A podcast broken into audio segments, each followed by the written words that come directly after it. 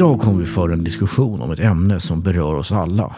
Trots de insatser som svenska samhället i stort har gjort så ökar antalet skjutningar och nya generationer av förövare kliver in för att ersätta de som grips. Och mitt i det här landskapet och utmaningar börjar frågan om ett kraftfullare åtgärdspaket bli allt mer relevant. En idé som föreslagits är att införa en bred användning av så kallade elektroniska fotbojor eller e-bojor. Och de ska användas för att övervaka potentiellt kriminella personer. Att använda teknologi för att förebygga och övervaka kriminell aktivitet är ju någonting vi ser i andra sammanhang också. Men samtidigt reser det här förslaget en del frågor. För att reda ut det här så har vi Martin Bergling och Conny Larsson med oss. Du lyssnar på IT-säkerhetspodden och jag heter Erik Salitis. Dagens avsnitt är ett samarbete med SIG Security. Ja, välkomna då Conny och Martin. Tack, Tack. så mycket. Tackar, tackar. Ja. Sist du var med Conny så stod NIS 2 på agendan. Hur har du haft det sedan dess? Tack, jag har haft det bra. Det händer ju mycket på det här området och det dyker upp olika nya regelverk som man får ta tag i. Gränsdragningsfrågorna när det gäller tillämpningen, vilka regelverk som är tillämpliga i vilken viss situation, är ju naturligtvis jättespännande. Sen har det varit en massa utbildning som jag har bedrivit och det har varit rättsfall och processer och förhandlingar och avtalsrådgivning och allt möjligt. Så att det har hänt en massa. Ja, trevligt. Och även Martin har varit med, så jag tänker vi friskar upp minnet för våra lyssnare. Vad gör du om dagarna? Jag leder innovationsnoden för cybersäkerhet, allmänt kallad Cybernoden. Jaha. Eh, det är snart 200 organisationer som vi, får, eh, som vi försöker få att samverka för att byta idéer och hitta vägar framåt för att göra Sverige mer innovativt. Ja, vad trevligt. Vi ska prata e-bojor idag och ni hade en debattartikel för ungefär ett år sedan i Aktuell Säkerhet.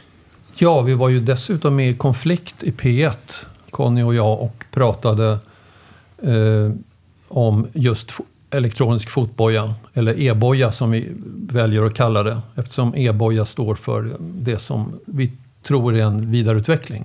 Av det som finns idag? Ja, precis. Ja, ja. Och hur, måste nästan fråga, hur, varför blev det säkerhet för dig? IT-säkerhet? Ja, då får vi gå tillbaka ända till min eh, pappa som var ingenjör och hade risktänkande i, i generna skulle jag säga. Så han lärde mig tänka risker tidigt och då blev det rätt naturligt att välja säkerhetsfrågor när jag sen eh, kom in på IT-banan. Just det. Men okej, låt oss prata om de här e-fotbojorna då. Och då tänkte jag, vad är en e-boja? Hur funkar den? Ja, en, en vidareutvecklad elektronisk fotboja. Idag har ju kriminalvården en, en lösning eh, med någonting man sätter fast på benet som man inte ska kunna ta loss. Och den har då en koppling till en mobiltelefon som den dömde bär. Och tillsammans utgör de här eh, den elektroniska fotbojan. Och det är en övervakning så att du inte kan åka utanför vissa områden? Ja, precis. Ni har föreslagit en utökad användning av e-boja, både som brottsförebyggande åtgärd och som en del av det straff som ska avtjänas. Ja, det är ju så här att fotboja används ju redan idag som en del i det straff som du avtjänar villkorligt, den delen. Så att eh, vi hade ju tänkt oss att det här skulle kunna fungera som en ersättning eh, och också i vissa fall när det handlar om frihetsberövande i samband med förundersökning och sådant. När det gäller att sitta häktad så finns det ju tre häktningsgrunder kan man säga. Det ena är ju flyktfara. Det andra är fara för att man förstör bevis och eh, hämnas på folk som eventuellt vill vittna för att då skrämma dem till tystnad. Och det tredje är återfall i brott. Med hjälp av en e-boja så skulle man faktiskt kunna motverka det här. Och personer som ah, idag då skulle sitta häktade i högre grad skulle då kunna släppas på fri fot eh, med den här e-bojan som inskränkning då helt enkelt. Det vill säga att du kan vistas i hemmet, på jobbet, i skolan och sådana saker. Då. Men du får inte röra dig fritt på gatan? Nej, inte, inte mer än mellan de här olika punkterna naturligtvis. Va? Så det har man någon form av kontroll av? Ja. Och då tänker vi också så här att sitta inlåst i en cell på några kvadratmeter på häktet är väl att uppfatta som en betydligt mer integritetskränkande företeelse än att gå med en e-boja där du då kan fungera någorlunda som normalt med ditt arbete, din eh, fritid och, och, din utbildning och så vidare. Va? Hur har ni tänkt att en e-boja ska vara utformad och vad skiljer den från den elektroniska fotboja som idag används som ett komplement för det straff som den dömde ska avtjäna? Till att börja med så borde ju en e-boja just bara bestå utav den, det arm, fo- den fotboja du sätter på benet. Du ska inte behöva ha en separat mobiltelefon. Eh, det finns ju idag GPS-sändare, GPS-trackers som är både små och, och väldigt smidiga och i vissa fall ett problem för att det finns män som håller koll på sina före detta eh, fruar med den här typen av utrustning. Just det. De är ju så pass små så att de... Eh, ja, vad jag vill säga är att här finns ju en teknik som man kan återanvända i en mer effektiv elektronisk fotboja, en e-boja. Finns e-bojan idag? Nå, alltså elektronisk fotboja finns ju som, som jag beskrev i kombination med en mobiltelefon. Nej, men jag tänkte den här nya. Nej, det finns inte någon sån utvecklad vad vi vet. Det kanske finns, eh, din, din fråga är intressant. Vi har inte tittat runt vad som finns globalt sett, men det kanske finns lösningar att, att eh, hitta ute i världen. Men okej, hur skulle den fungera om den fanns? Ja, till att börja med så sätter du den på foten, på, på ankeln. Du kan ju antagligen ha en lösning som sitter på handleden också.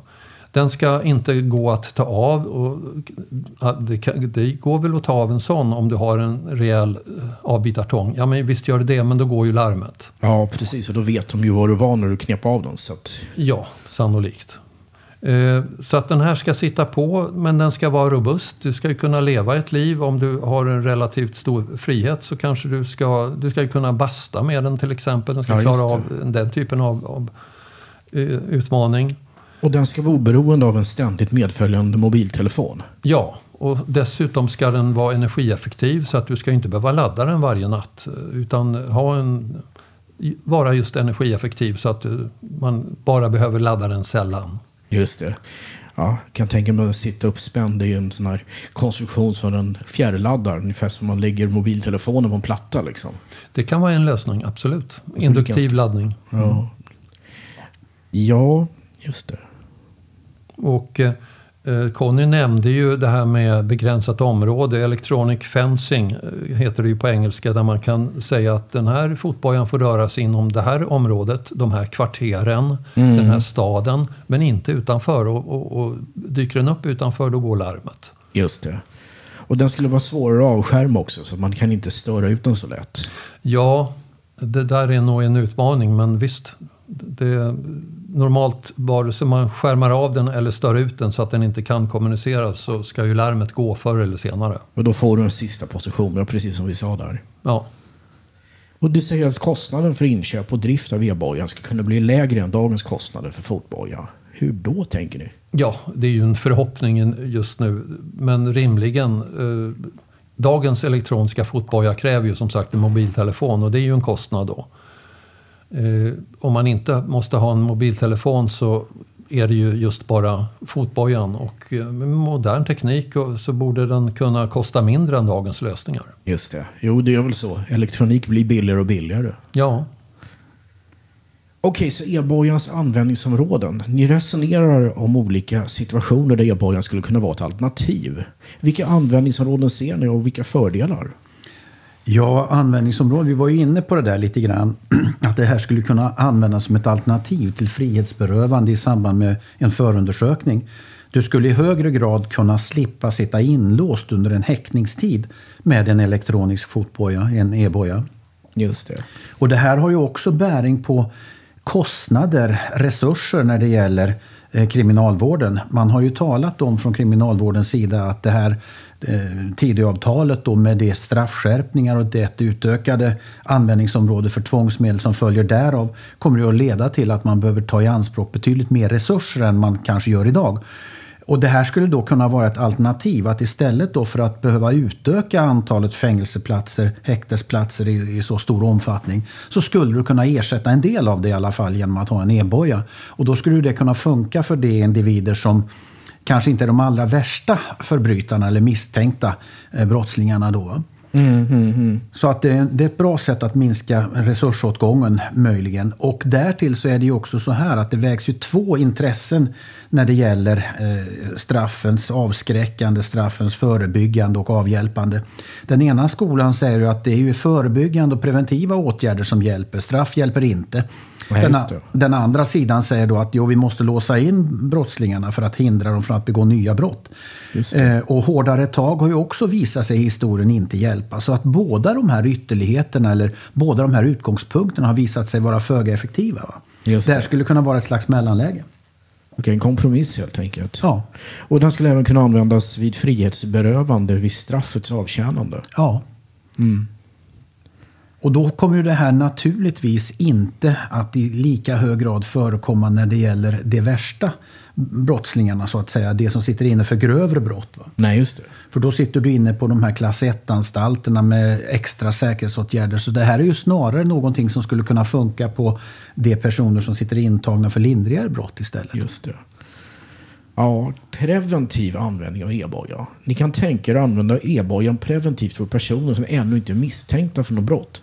Och även på personer som besöker Sverige och som kommer från vissa utpekande länder. Hur har ni tänkt att det skulle funka? Ja, en variant. Om jag hade en 12-årig son som jag såg eh, var i kontakt med kriminell, ett kriminellt gäng. Och där jag då var orolig över, min son kanske kommer att rekryteras. Om jag då kan gå till polisen och säga, kan ni sätta en fotboja på min son? Då kommer, för om man gör det, då kommer han bli oanvändbar som knarkkurir eller vapenkurir. Just det. Men han kanske inte håller med om att det är en bra idé. Och vad har han gjort för att förtjäna det? Ja, men jag är hans far i det fallet och bestämmer över min omyndige son. Okej, okay, jag förstår hur du tänker. Det, det, det är ett exempel.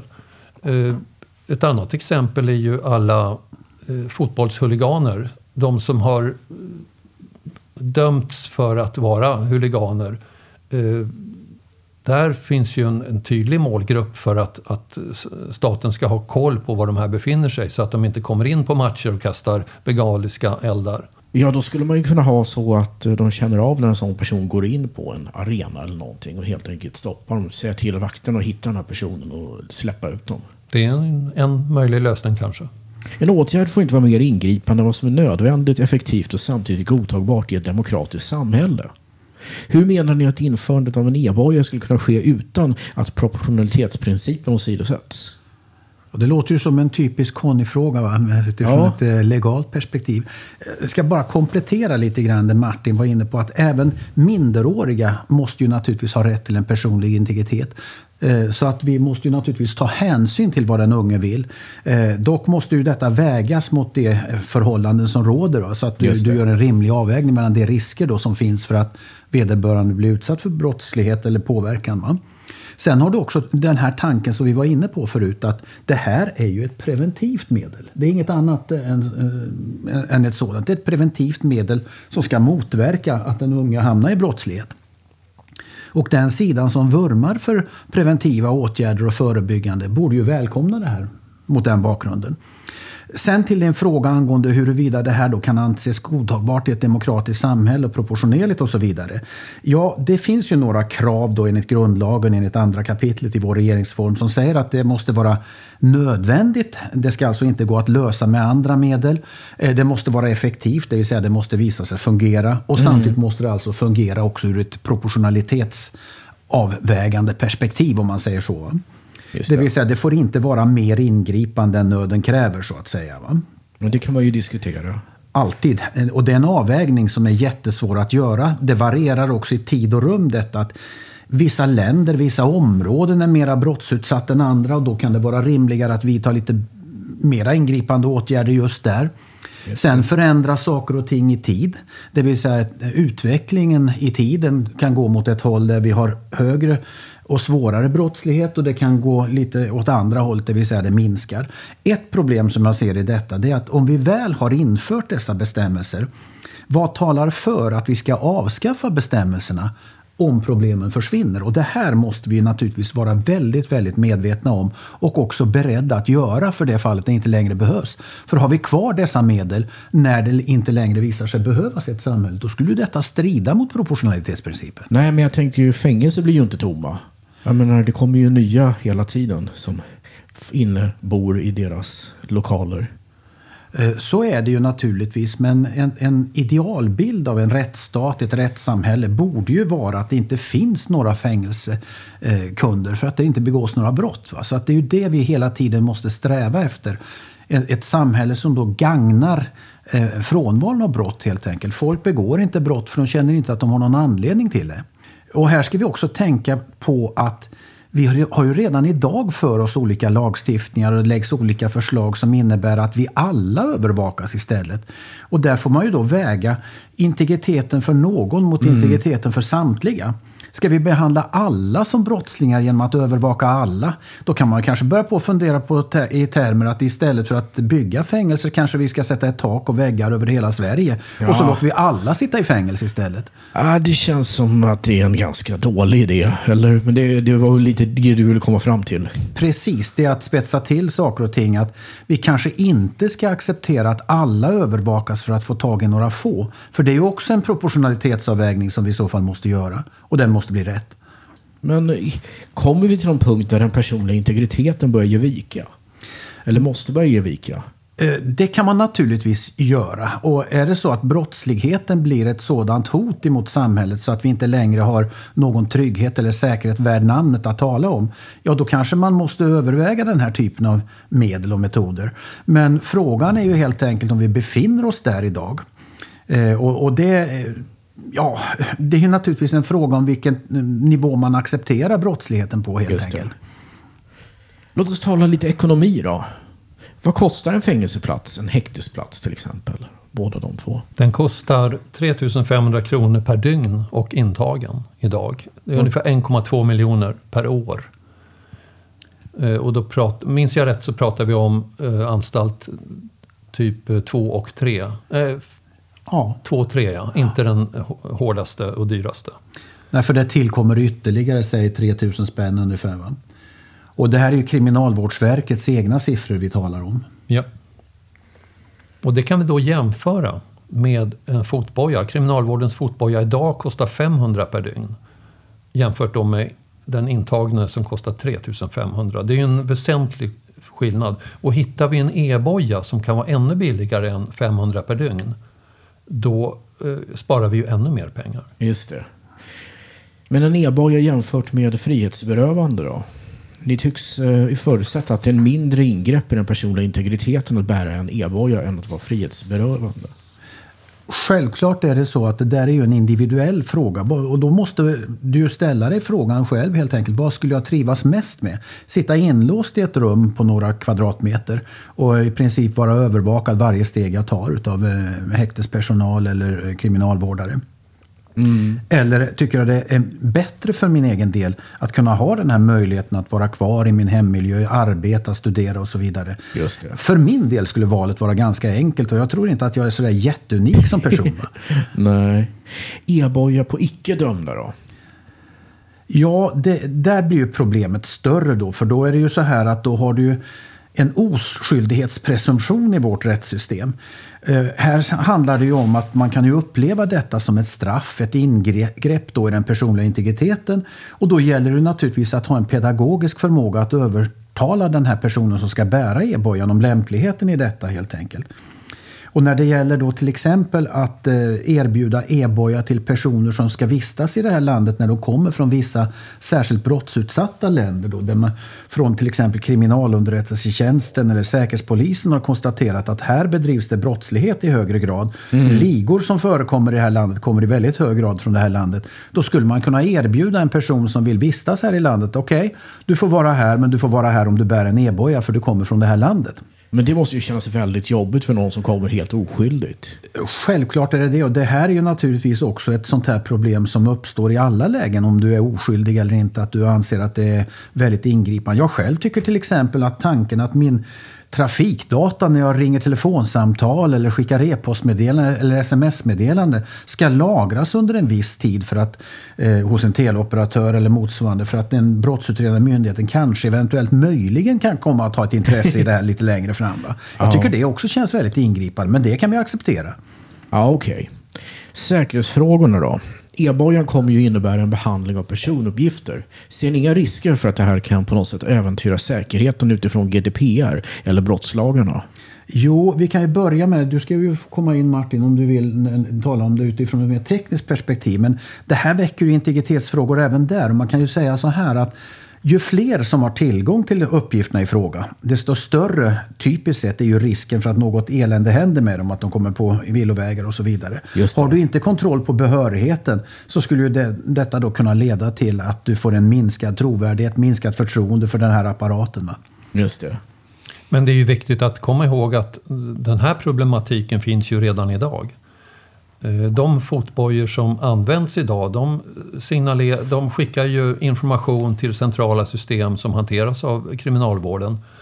Eh, Medan en, en fotbojan i sig, den behöver ju bara ha ett, egentligen ett serienummer och, och registrera tider och platser. Just det. Det behöver inte vara eh, GDPR-relaterat om det hanteras på rätt sätt. Det är först när det hamnar i systemet och kan spåras till en specifik person som det GDPR gäller. Just Men den proble- problematiken har vi redan idag som sagt. Ja, just det. Om man säger så här, besöksförbud då? Ni är inne på att de som hotar andra ska kunna påföras en e-boja, eventuellt i kombination med besöksförbud. Hur skulle en sån lösning se ut?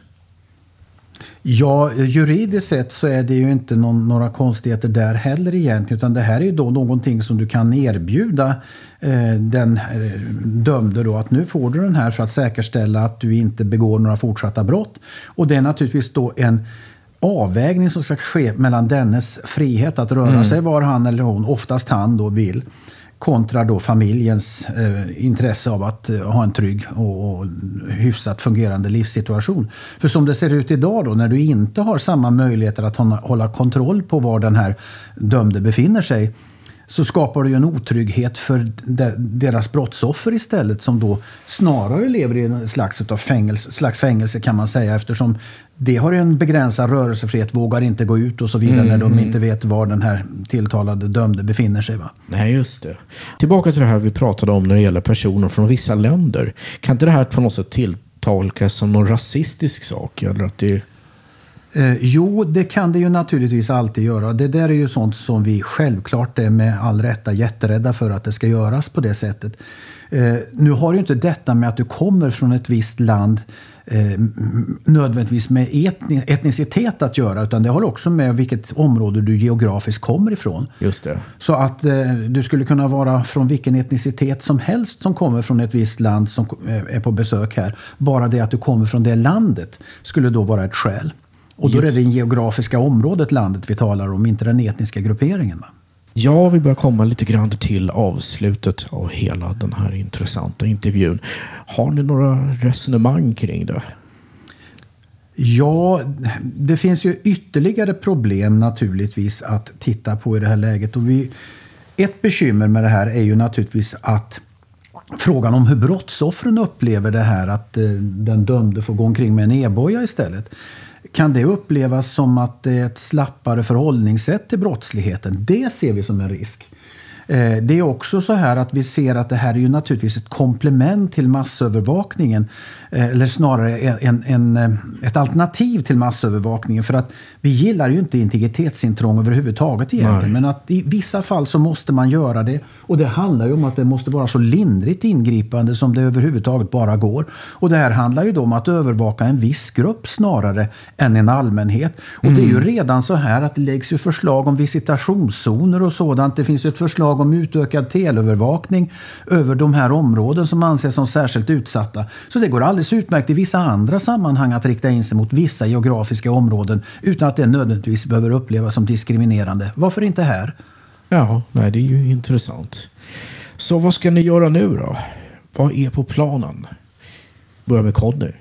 Ja, nu ska jag ha lite julledighet har jag tänkt mig. Där jag ska skriva på lite olika artiklar och kommentarer och sånt där. Det är alltid ett trevligt jularbete eh, kan man säga. Mm. Sen så ser jag ju fram emot att det blir nya skandaler och nya tag och nya rättegångar och nya avtalsförhandlingar och kurser nästa år. Med början i mitten, slutet på januari någonting. Så att det är vad som är, ligger i pipen för mig kan man säga. Ja, vad trevligt. Eller ja, i alla fall, ja, det kanske är trevligt. Ja, det är jättetrevligt. Ja. Och Martin? Ja, vi fortsätter med Six Securities verksamhet eh, nästa år och ska ha många intressanta fokusevent. Eh, för egen del så tänker jag driva en bokcirkel. En ny bokcirkel runt kvantitativ riskanalys. Och hoppas vi, vi har ett drygt tiotal anmälda. Det finns plats för fler så att det vore jättekul att eh, ja, om, om fler är intresserade kanske kan lägga någon länk till om du har någonting sånt. Det kan vi göra, absolut. Precis. Då får jag tacka som herrarna då. Tackar, tackar. Tackar så mycket.